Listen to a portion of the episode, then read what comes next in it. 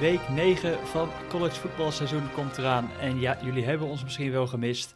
Uh, Lars Leeftink en Rob Pauw hier voor... Uh, ja, we waren niet in week 7, of we waren niet in week 8 moet ik eigenlijk zeggen. Vorige week waren we er niet met de college voetbal podcast van Sport Amerika. Maar we gaan het uh, helemaal goed maken deze week. En we willen zeker niet zorgen dat het een tweewekelijkse podcast wordt. Dus wij hebben onze bye week gewoon gehad. Uh, Neil die zit nog steeds in de transfer portal, weet nog niet waar die is. Maar gelukkig, uh, Lars is net wakker, denk ik. Die is de World Series gekeken, waarschijnlijk de start van het NBA-seizoen gekeken. Mr. Sport Amerika. Lars, ben je er klaar voor? Yes, jazeker. Yes, dit zijn wel de mooie dagen voor de Sport Amerika-fans. De, de World Series bezig, NBA-seizoen gestart. We zitten in het college voetbalseizoen, NHL is bezig. Uh, missen we nog iets? Uh, college basketbal bijna. Duurt nog even, maar komt er ook aan. Dus uh, het zijn inderdaad een mooie maanden voor uh, Sport Amerika fan. Ja, als uh, Duke fan dan is het natuurlijk, zat college basketbal natuurlijk altijd hoog op het lijstje, zoals bij jou. Dus goed dat je dit even dacht. zoals ik al zei, week 7 hebben wij helemaal niet besproken vorige week, want ja, het, het kwam er gewoon echt niet van, helaas, vorige week om even de podcast op te nemen met de wereldklok die niet helemaal gelijk stond bij ons. Um, ja week 7 wel even twee wedstrijden die we misschien toch nog even terug moeten halen, want die wel uh, redelijk belangrijk waren. En dan met name het verlies van Georgia bij South Carolina. Ja, precies. Uh, nou, thuis tegen South Carolina eerste waar ik aan, mij trouwens. Ja, thuis zelfs, ja. Ja, absoluut. Het, was, ik, het eerste wat ik aan dacht toen ik die... Uh, ja, toen het laatste fluitje zag ik, toen dacht ik van... misschien is dit wel het moment dat voor Georgia de kans op de playoffs weg zijn. Ondanks dat ze natuurlijk nog heel veel goede tegenstanders gaan krijgen en nog de tijd gaan krijgen om dat goed te maken. Ehm, maar ze, moeten, ze hebben nu geen keuze meer. Ze moeten nu alles winnen. Ehm, misschien was dat van tevoren ook al wel zo. Um, maar als je dit soort nederlagen thuis leidt tegen een team wat daarvoor eigenlijk niet zo heel erg fantastisch presteerde. ja, dat is toch wel. En dat is, dat is ook grappig, want de kikker die uh, Blankenship, een van de betere kikkers in uh, college voetbal, die miste de, de beslissende kick uiteindelijk. Terwijl iedereen eigenlijk van tevoren al wel had verwacht dat hij hem zou maken. Um, we even daarvoor ook een moment waarop ze niet voor de kick gingen. Dat was volgens mij 50 of 60 yards of zo was dat. In plaats daarvan gingen ze voor een, uh, voor een hele lange fourth down. Um, wat niet succesvol was uiteindelijk. Waardoor we naar overtime gingen. Nou ja, dat uh, ging heen en weer. En uiteindelijk in, wat was het, dubbel overtime was het geloof ik? Uh, nee, volgens mij één overtime ja, was het volgens mij, dacht ik, of niet? Nee, het was wel dubbel. Oh, wel. Ja, en uh, South Carolina maakte toen die uh, field goal. Toen moest Georgia reageren en dat uh, deden ze op zich wel. Alleen ging de field goal er niet in. Ja. En daardoor kon South Carolina juichend het veld aflopen. Ja, net, net wat jij zegt, hè, die, die playoff host van Georgia, die kregen daarmee wel echt even een beuk. Ze moeten natuurlijk, daar gaan we het zo meteen ook nog wel even over hebben. misschien nog wel, nou, trouwens, ze zitten nu in een bye week, hebben ze hè? Ja, die komt. Ja. Uh, maar ze krijgen natuurlijk nog Florida, ze krijgen Auburn nog, uh, ze krijgen nog A&M en dan kunnen ze natuurlijk gewoon nog die title game uh, spelen. Um, ja, tegen een LSU of een Alabama, waarmee ze dan misschien toch nog zichzelf alweer in de, in de picture kunnen spelen. Um, ik noemde ook al even een LSU in week 7, want die hadden de kraken tegen Florida. En die, ja, ja. De, de, de, Burrow train die dendert door. Ja, nou ik moest zeggen, Florida hield het langer vol dan dat ik verwacht had. Dat was eigenlijk pas in, uh, in de tweede helft, eind tweede helft, dat ze echt wegliepen. En uh, wat mij vooral heel erg opviel was dat uh, Burrow zelfs in deze wedstrijd heel erg goed speelde. drie van de 24 passes die hij gooide waren niet compleet. drie touchdowns. Extreem effectief, zelfs tegen zo'n goede verdedigende linie die Florida heeft. Die had eigenlijk geen schijn van kans. Volgens mij hebben ze niet eens een sack genoteerd in die wedstrijd. Wat ook wel genoeg zegt over de uh, hele goede offensive line die LSU heeft. Want dat is natuurlijk mede de reden waarom Burrow zo goed kan, uh, ja, kan produceren. Datzelfde een beetje als met golf bij de Rams. Uh, ook een, een systeem quarterback. Ik denk dat zoiets bij Joe Burrow ook wel het geval zal zijn. Als je hem een goede offensive line geeft, dan kan die extreem effectief zijn. Dat laat hij eigenlijk dit hele seizoen al zien. En eigenlijk al langer dan dat ik van tevoren verwacht had. Ja, en wat mij ook veel nu zei het was best wel close die wedstrijd. Het was echt op het einde, volgens mij was het in het vierde kwart dat LSU eigenlijk pas wegliep. En dat was ook volgens mij op een moment, het is alweer twee weken geleden, moet even terugdenken. Uh, dat Trash die gooide volgens mij een interception voor Florida. Waarop een moment waarop ik dacht van, ja, moet je nu echt proberen die bal in die endzone te gooien nu? Want ze hadden volgens mij echt, uit mijn hoofd hadden ze volgens mij nog één yard nodig of zo voor de volgende down. En dacht ik... Ja, maar dat, dat is natuurlijk ook een uh, typische jonge quarterback fout dan. Hè? gewoon uitwedstrijd, uh, lastige wedstrijd, goede verdediging tegen je. En dan ga je, zeker als je achter staat, dingen forceren. Uh, zoals die interception bijvoorbeeld. Terwijl, Terwijl, het eigenlijk niet nodig is. Nee, en hij zat gewoon echt lekker in de game. Hij speelde gewoon echt een goede wedstrijd. Trash, die laat gewoon eigenlijk al sinds dat ja, Philippe Franks eruit is, laat, ze, laat hij eigenlijk zien van, joh, ik had net zo goed, misschien, of ik misschien eigenlijk wel beter als, als de quarterback hier, als QB1. Ja, hij is beter. Hij is beter. Ja, dat vind ik ook. Vind ik. Ja. Nou, dus dat even kort teruggeblikt op, op week 7. Maar we hebben natuurlijk week 8 was een paar dagen geleden achter ons. Uh, het is nu woensdag dat we, dat we het opnemen voor, voor de luisteraars. Um, ja. Het meest opmerkelijke van week 8. Ja. Het verlies van Wisconsin tegen Illinois. Volgens mij 30 point favorite dat ze waren. 30,5 misschien wel. Wisconsin stond inmiddels... 31. 31. Wisconsin stond op inmiddels ja. als uh, zesde gerankt. Ongeslagen nog. Ja. Een hoop shutouts. Gaven niks weg. En dan uh, Illinois. Ja, welkom in college voetbal. Ja. Nee, het is... Uh, ja, Illinois is natuurlijk met afstand een van de mindere ploegen in, in de Big Ten. Er zitten niet zo heel veel mindere ploegen in. Eigenlijk naast hun alleen Northwestern, wat ik ook niet zo'n hele goede ploeg vind. Nee, die zijn ook echt Maar het feit dat ze laatste, dan... Uh, laatste week. heel sterk. Niet best. Maar ja, dat, uh, ik weet niet of mensen de quarterback van Illinois kennen. Um, Brandon Peters, die heeft in een grijs verleden uh, voor Michigan gespeeld. niet zo heel fantastisch. dat was in die periode dat ze echt drie quarterbacks hadden die er eigenlijk allemaal niet zo extreem veel van konden voordat Shea Patterson daar kwam. Uh, maar die speelt dit seizoen niet eens zo heel slecht. Begon heel goed. Volgens mij begon Illinois ook 2-0 uh, aan het seizoen. En hij speelde afgelopen weekend ook gewoon prima. 9 om 21. 174 yards en twee touchdowns zie ik hier staan. Dus dat is prima. De running back van hun, wat hun beste speler is, Corbin.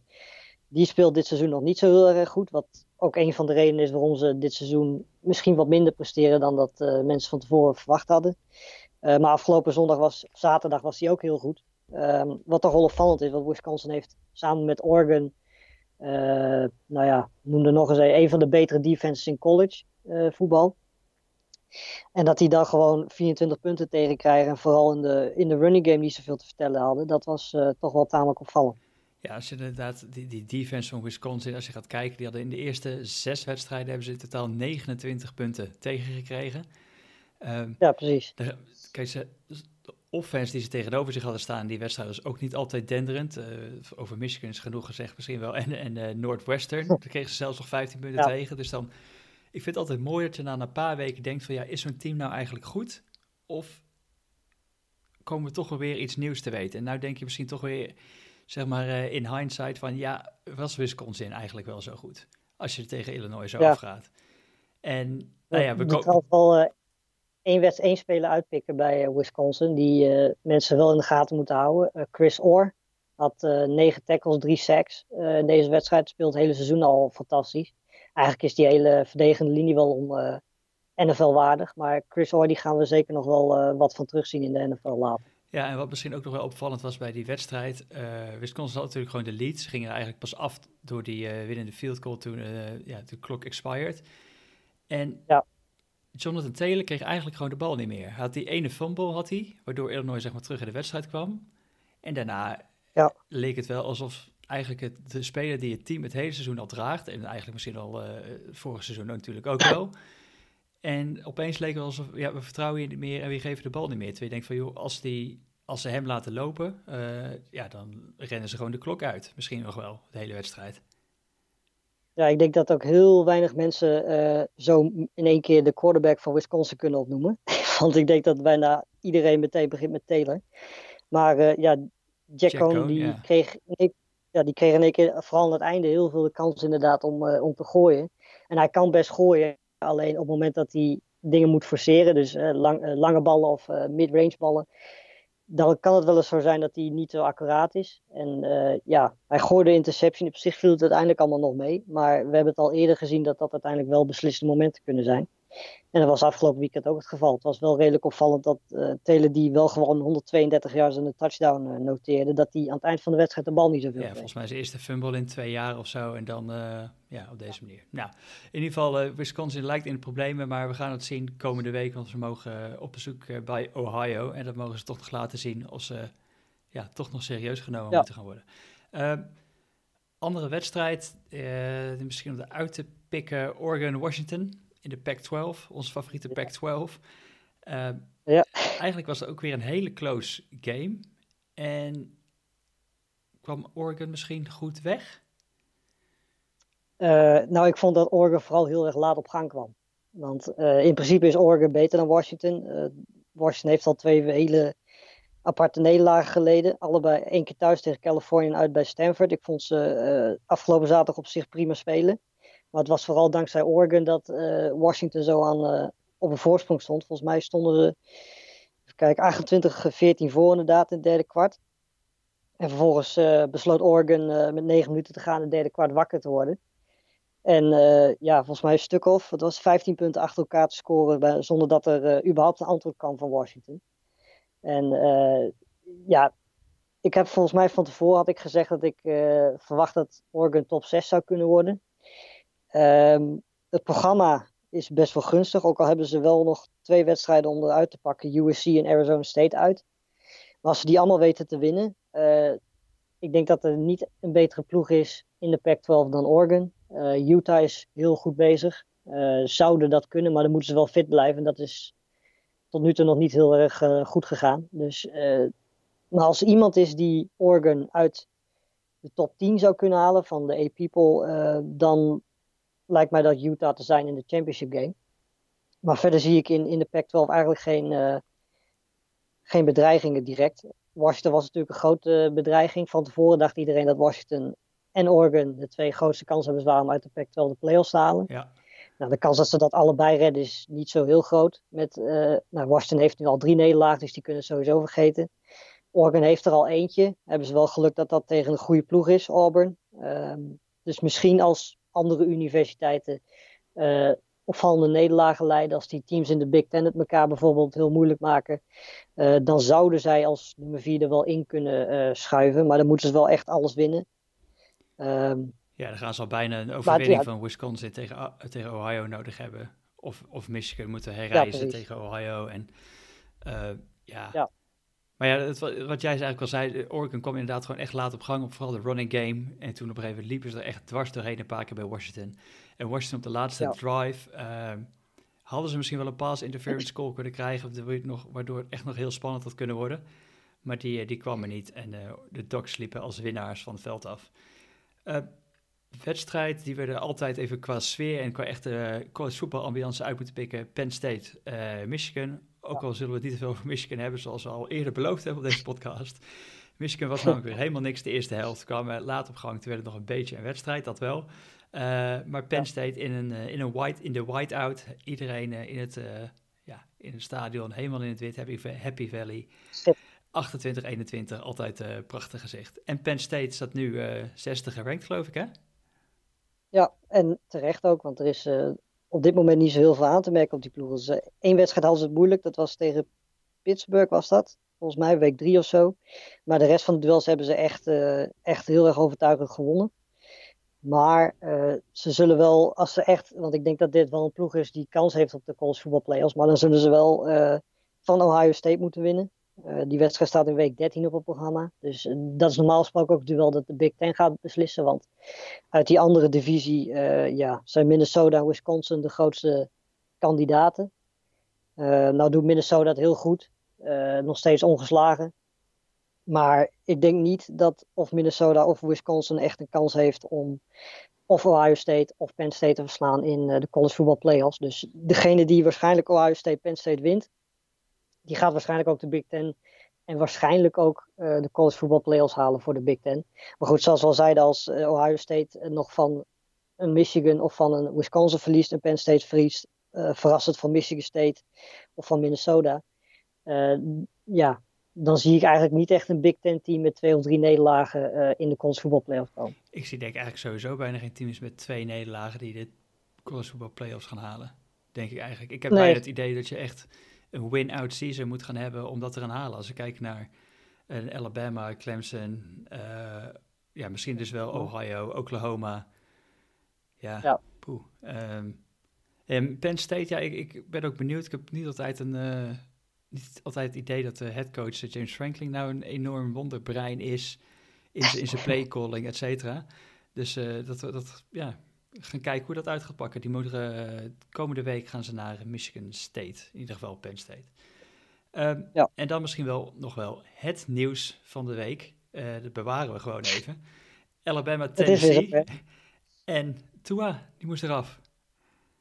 Ja, net zoals vorig jaar ongeveer rond deze tijd. Misschien iets later zou kunnen. Maar toen raakte hij ook geblesseerd. Toen was iedereen ook eh, in rappen hoeveel oh, kan hij wel spelen tegen de betere universiteiten. Want tot nu toe heeft Alabama natuurlijk totaal geen uitdaging gehad. Afgelopen weekend ook niet.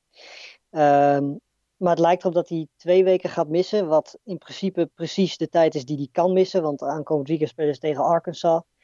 Nou ja, dat is normaal gesproken zonder Tua gaan ze dat ook wel winnen. Ehm, daarna hebben ze een bye week.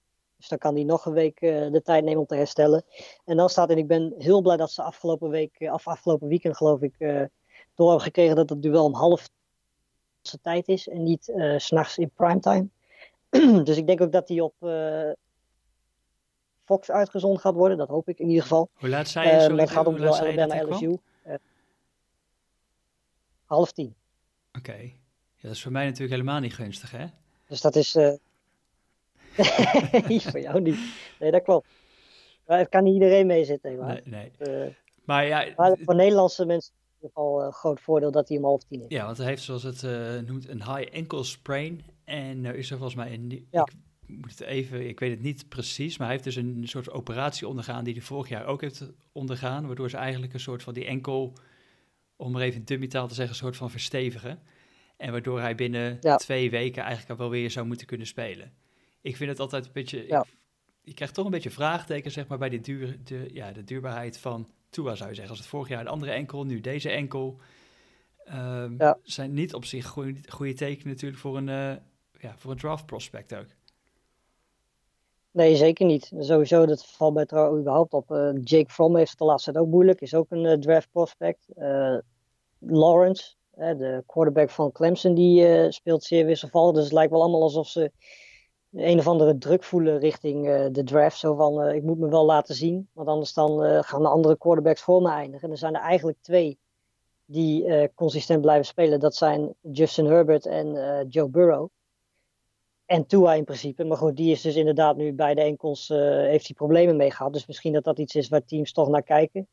we zien nu in de NFL afgelopen dagen alweer een paar teams die besluiten om gewoon te gaan tanken.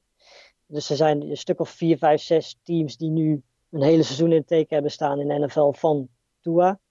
Um, dus ik denk niet dat het heel veel impact zal hebben op zijn, uh, op zijn draftstok. Uh, maar het hangt er ook vanaf hoe hij die wedstrijden speelt. En uh, sowieso denk ik dat, ondanks dat Tua dan fit zal zijn tegen LSU, dat LSU misschien wel favoriet is in die wedstrijd. Ja, het ligt er ook een beetje aan hoe fit hij is. Hè. Was, vorig jaar kwam hij op een gegeven moment terug en leek hij nog niet helemaal super. En dan zie je dat gewoon aan Alabama.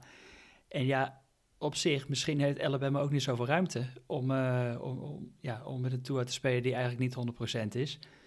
Uh, maar ja, ze, ze, hebben niet veel keus. Maar als ze van LSU verliezen, is er misschien ook nog wel een scenario gewoon dat Alabama die playoffs gewoon gaat missen. Als een Oklahoma blijft winnen, Ohio State blijft winnen, Clemson blijft winnen en, dus, uh, en ze dus van LSU verliezen. Of niet? Ja, precies. Ja, want LSU zit ook in hun, in hun divisie. Dus als LSU boven eindigt, hebben ze ook geen kans op de championship game. Um, dus dat is nog een kans die Alabama dan mist om te laten zien dat ze daar wel in horen. Um, en ze moeten ook nog, en dat moeten we ook niet vergeten, tijdens week 14 nog tegen Auburn. Ja. Um, en we weten natuurlijk nu nog niet hoe dat met Tua zal gaan. Maar als hij dan ook niet fit is, uh, of in ieder geval minder in vorm is zoals we dat vorig jaar aan het eind van het jaar zagen. en je verliest dat duel ook, dan kun je het zeker wel vergeten. Ja, dus de, ja, de spannende weken komen er eigenlijk aan. Maar we hadden het over de wedstrijd van Alabama-Tennessee. En is het eigenlijk ook mijn moment uh, van de week in. Ik weet niet, we hebben het niet overlegd. Zat hij voor jou er ook in of niet? Nee. Oké. Okay.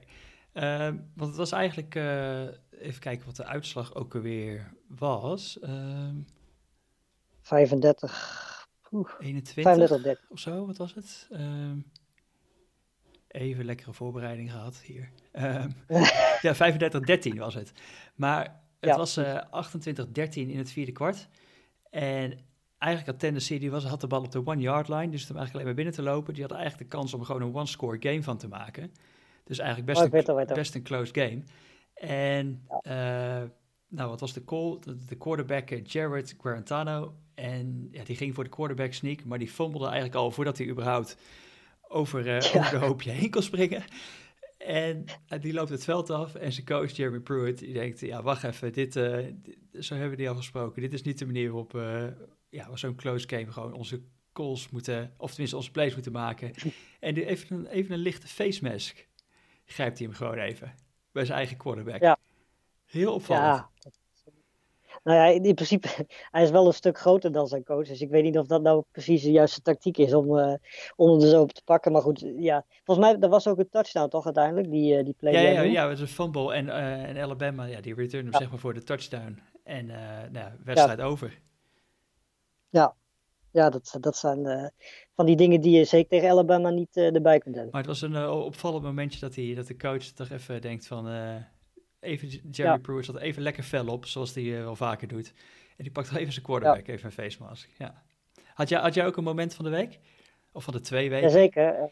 Ik had er eigenlijk twee. laat ik eerst maar met de sportieve beginnen. Dat is opnieuw de ongeslagen ploeg. Want er zijn er nog steeds drie die nog steeds ongeslagen zijn. Terwijl niemand dat van tevoren verwacht had. Uh, begin ik met Minnesota, daar hebben we het net al een klein beetje over gehad. Uh, zijn nog steeds ongeslagen, 7-0. Um, hebben een gunstige wedstrijd komend weekend tegen Maryland, daarna een bye week. Um, en dan hebben ze pittige weken voor het programma. Met uh, Penn State, Iowa, Wisconsin. Dus ik ben heel benieuwd of zij uh, die lijn door kunnen trekken. Maar het verschil vergeleken met de eerste paar weken is dat ze nu echt heel makkelijk hun duels winnen. Uh, Illinois hadden ze ingemaakt, Nebraska hebben ze ingemaakt. Afgelopen weekend Rutgers. Nou ja, Rutgers is natuurlijk niet heel serieus te nemen, maar die maakten ze ook met 42-7 in. Uh, dus Minnesota moeten we echt wel in de gaten gaan houden. Ehm, SMU is ook nog steeds ongeslagen. 45-21 gewonnen van Temple afgelopen weekend. dus SMU moeten we zo langzamerhand ook serieus gaan nemen. Um, en over twee weken staat het duel met Memphis op het programma. Uh, wat misschien wel eens beslissend kan zijn in die conference. Dus, en iemand waar we heel weinig over praten, Sam Buchel, speelt echt fantastisch dit seizoen. Als hij zo door blijft gaan, zou het misschien ook wel een Heisman-kandidaat kunnen zijn. Want die speelt echt werkelijk waar uh, fantastisch. En dan hebben we er nog één. En dat is de grote concurrent van Oklahoma in de Big 12, Baylor. Ook wat moeizamer dan normaal, maar wel gewonnen bij Oklahoma State 45-27. Uh, en ook voor hun geldt dat ze, ze hebben komend weekend de bye week. En dan daarna staan er programma's tegen Oklahoma en Texas op programma. Voordeel is wel dat ze allebei de duels thuis spelen. Um, dus daar gaan ze de kans krijgen om, om zich te laten zien. En dan mijn andere moment van de week. En dat was een cancer survivor, vier-time cancer survivor, die de bal voor het eerst mocht vasthouden. O'Brien bij Minnesota, het team dat ik dus net genoemd heb. Die had vier keer heeft hij kanker overleefd. En die mocht bij een tussenstand van 42-7 tegen Rutgers, mocht hij de bal vasthouden bij een kick. En dat was toch, zeker daarna was dat een heel mooi moment om te zien hoe ze uiteindelijk ook zo blij waren voor hem. Dus dat vond ik ook wel een moment om eh, eruit te pakken. Ja, het zijn altijd super mooie momenten, ook in college voetbal, die toch even net wat verder gaan dan de sport. Ik zat toevallig, zat ik, vandaag las ik ook nog weer over Tyler Trent van, van vorig jaar. Hoe dat eigenlijk nog steeds in leven ook wordt gehouden bij, ja. nou dat klinkt heel raar natuurlijk, in leven wordt gehouden, maar bij Purdue. hoe die nog steeds daar in de gedachte is en hoe daar nog steeds met de eigen supportgate die daar heeft, het hek waar iedereen doorheen loopt daar. Ja, prachtige, mooie momenten zijn dat altijd. Ehm, je noemde hem al even misschien Shane Bouchel noemde jij in één keer nu voor, voor de Heisman. Maar die Heisman die gaat nu gewoon tussen Hurts en, uh, Hurts en Burrow. Um, of Justin Fields ja. nog. Nou, ik vind dat Justin Fields ook wel heel weinig aandacht krijgt. Krijgt heel weinig aandacht daarvoor, hè? Ja, ja, maar het probleem is ook dat Ohio State uh, krijgt sowieso weinig aandacht, omdat ze nog niet echt uh, tegenstand gehad hebben dit seizoen. Dus dat is een beetje het, een beetje het ding. De enige ploeg die, waarvan je zou zeggen van nou, die hebben een aardig seizoen. Ja, nee, eigenlijk geen één. Ik zit te kijken nu, maar er, zit eigenlijk geen team tussen wat ze gehad hebben waarvan je zegt van nou oké, ja, Cincinnati. Dat was 42-0, dat was knap. Want Cincinnati heeft niet zo'n heel slecht seizoen. Um, maar ik denk dat als Justin Fields de komende weken tegen Wisconsin, tegen, aan het eind van het seizoen tegen Penn State en Michigan ook zo blijft spelen, dat hij absoluut wel tot de Heisman Trophy kandidaat hoort. Maar het probleem is gewoon dat de tegenstand die hij tot nu toe gehad heeft niet heel indrukwekkend is. Zeker niet vergeleken met wat LSU en Alabama gehad hebben. Nee, zeker niet. ik, nou ja, vooral LSU inderdaad. Uh, je bedoelt Oklahoma, denk ik. Ja, ik bedoel Oklahoma. Ja, ja. Ja, niet, uh... ja, ja, dat wordt zeker interessant om in de gaten te houden. Uh, de rankings pakken we er even snel bij. Ze zijn het stijgen, LSU. Ja, die moeten, gaan luisteren. Die moeten toch gewoon op één staan, jongens. Het gaat toch helemaal... Ja, tuurlijk. Zijn wij, het hier, zijn wij het hier helemaal over eens bij de Sport Amerika College Podcast? LSU zou op één moeten staan met de, als je kijkt naar tegen wie ze gespeeld hebben. Um, ja. De eerste zes ploegen zijn dus inderdaad nog ongeslagen. Alabama, LSU, Ohio State. Clemson staat nu vier. Uh, ja. En ik... Oklahoma staat ook te laag. Volgens mij stond Clemson vorig jaar rond deze tijd misschien wel één of twee zondes, hè? En nu zijn ze weer wat gezakt. En ze winnen gemiddeld volgens mij met 0,7 punt minder hun wedstrijden. Want vorig jaar wonnen ze volgens mij rond deze tijd met 28,7 punten verschil in wedstrijden. Nu met 28 punten maar. Um, en dat, uh, nou ja, dan zak je toch een stukje op de ranglijst, lijkt het. Schandalig. Ja. Oké, okay, hey, uh, laten we even vooruit gaan kijken naar week 9. Wat ja. er op programma staat. Ik uh, denk dat er even drie wedstrijden zijn die, ja, die wel echt... laten we bij de topper gewoon beginnen, denk ik. LSU Auburn. Ja. Dus de nummer 2 gerankte LSU en die ontvangen het nummer 9 gerankte Auburn. Auburn heeft toch best al een pittige schedule gehad. En die hebben er nog een paar voor de boeg ook. Ja. Wat, uh, wat ik trouwens mooi vond toen twee weken geleden, toen Ed Ogeron, toen LSU van Florida had gewonnen, toen zei hij, welcome to Death Valley, where opponents' dreams are being crushed, of something, zoiets zei hij. Schitterend. Ja, dus uh, nou, ik ben benieuwd wat er met Auburn gaat gebeuren. Wat denk jij? Uh, ik denk dat hun hetzelfde gaat overkomen. Nou. ik denk dat, uh, ja precies, ja, jammer. Ik denk dat uh, op dit moment, ja, ik, weet ik zou niet weten op dit moment wie LSU zou moeten verslaan. Zeker Auburn. Uh, uit, als Auburn thuis had gespeeld, had ik ze wel wat meer kans gegund en gegeven. maar ja, ik, ik, durf op dit moment gewoon niet te wedden tegen LSU. Um, eigenlijk heel simpel. Meer dan dat is het niet. Ja, en ik, ik durf ook niet te wedden dat een, uh, dat een Bo Nix Auburn in één keer na 45 punten of zo minimaal gaat leiden. Die ze gewoon moeten, moeten scoren daar om, om een kans te maken waarschijnlijk tegen LSU. Ja, minimaal. Nou, ja. het, ik weet niet wat de lijn is eigenlijk, heb ik nog niet gezien, maar...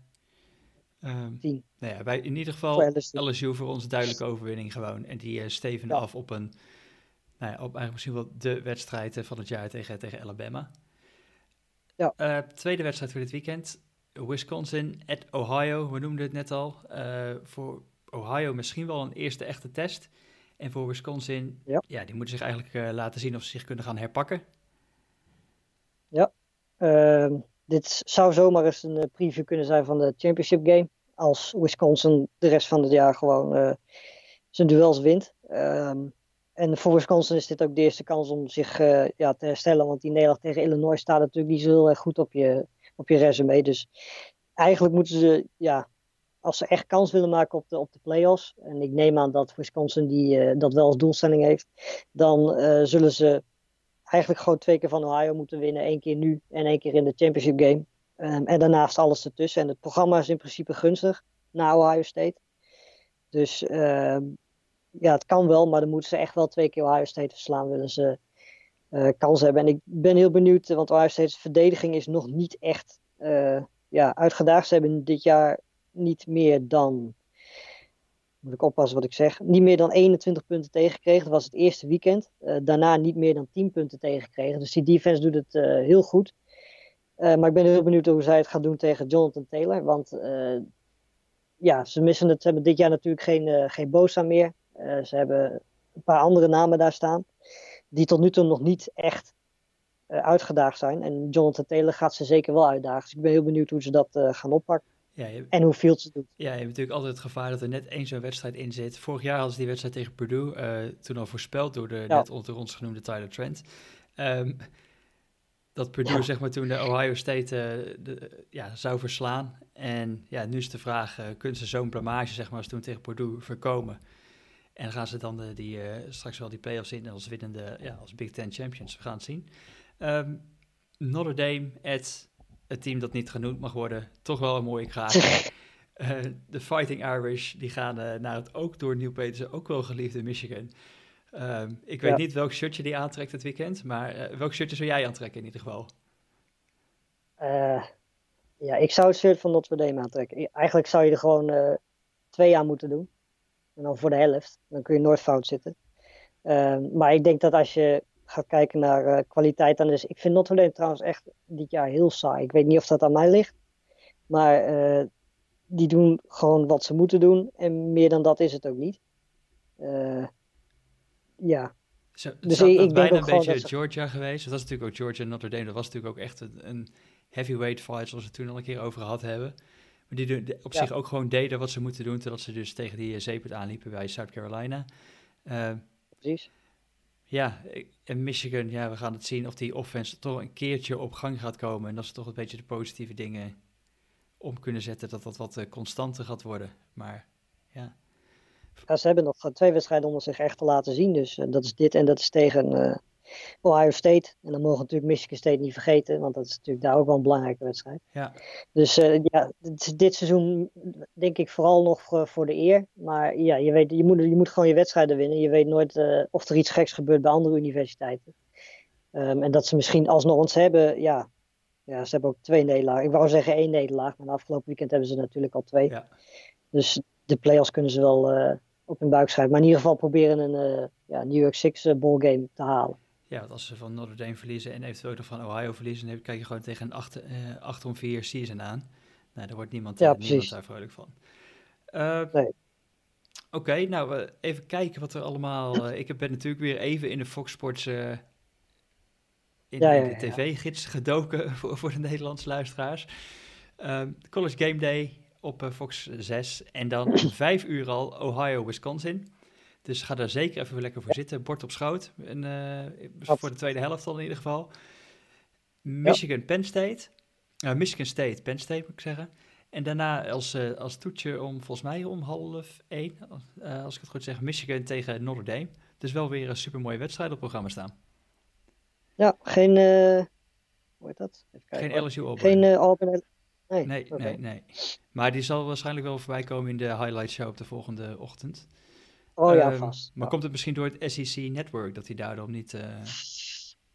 Uh, ik, ik weet niet waar hij op uitgezonden wordt. Hij wordt op CBS uitgezonden. Dus. Oké. Okay.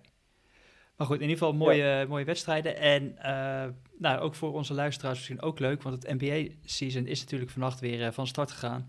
En ik zag ook dat, uh, dat de nieuwe podcast met, uh, van uh, Matthijs en Nieuw er vanaf volgende week ook weer is. Dus ga dat ook zeker in de gaten houden. En al het andere van Sport Amerika. Uh, heb jij nog dingen op Sport Amerika recent verschenen of komt er nog wat aan, Lars? Uh, nou ja, we zijn weer met uh, de NBA-artikelen bezig natuurlijk. Dus ja, vanaf afgelopen woensdag is het, vanaf vandaag dus eigenlijk gaan we gewoon weer elke week een stuk of vier, vijf dagen proberen te schrijven. En daarnaast natuurlijk komt college basketbal eraan, dus daar gaan ook weer genoeg dingen op de site van verschijnen. Oké, okay, super. Nou mensen, ga het dus allemaal volgen. Lars, bedankt weer voor deze week. Yes. En uh, ja, wij spreken jullie uh, volgende week weer. En dan gaan we je op de hoogte houden van uh, een hoop mooie wedstrijden. En ook weer vooruitkijken op de topwedstrijden die het weekend daarna aankomen. Want het, het wordt smullen de komende weken in het collegevoetbal. Voor nu, bedankt voor het luisteren en tot volgende week.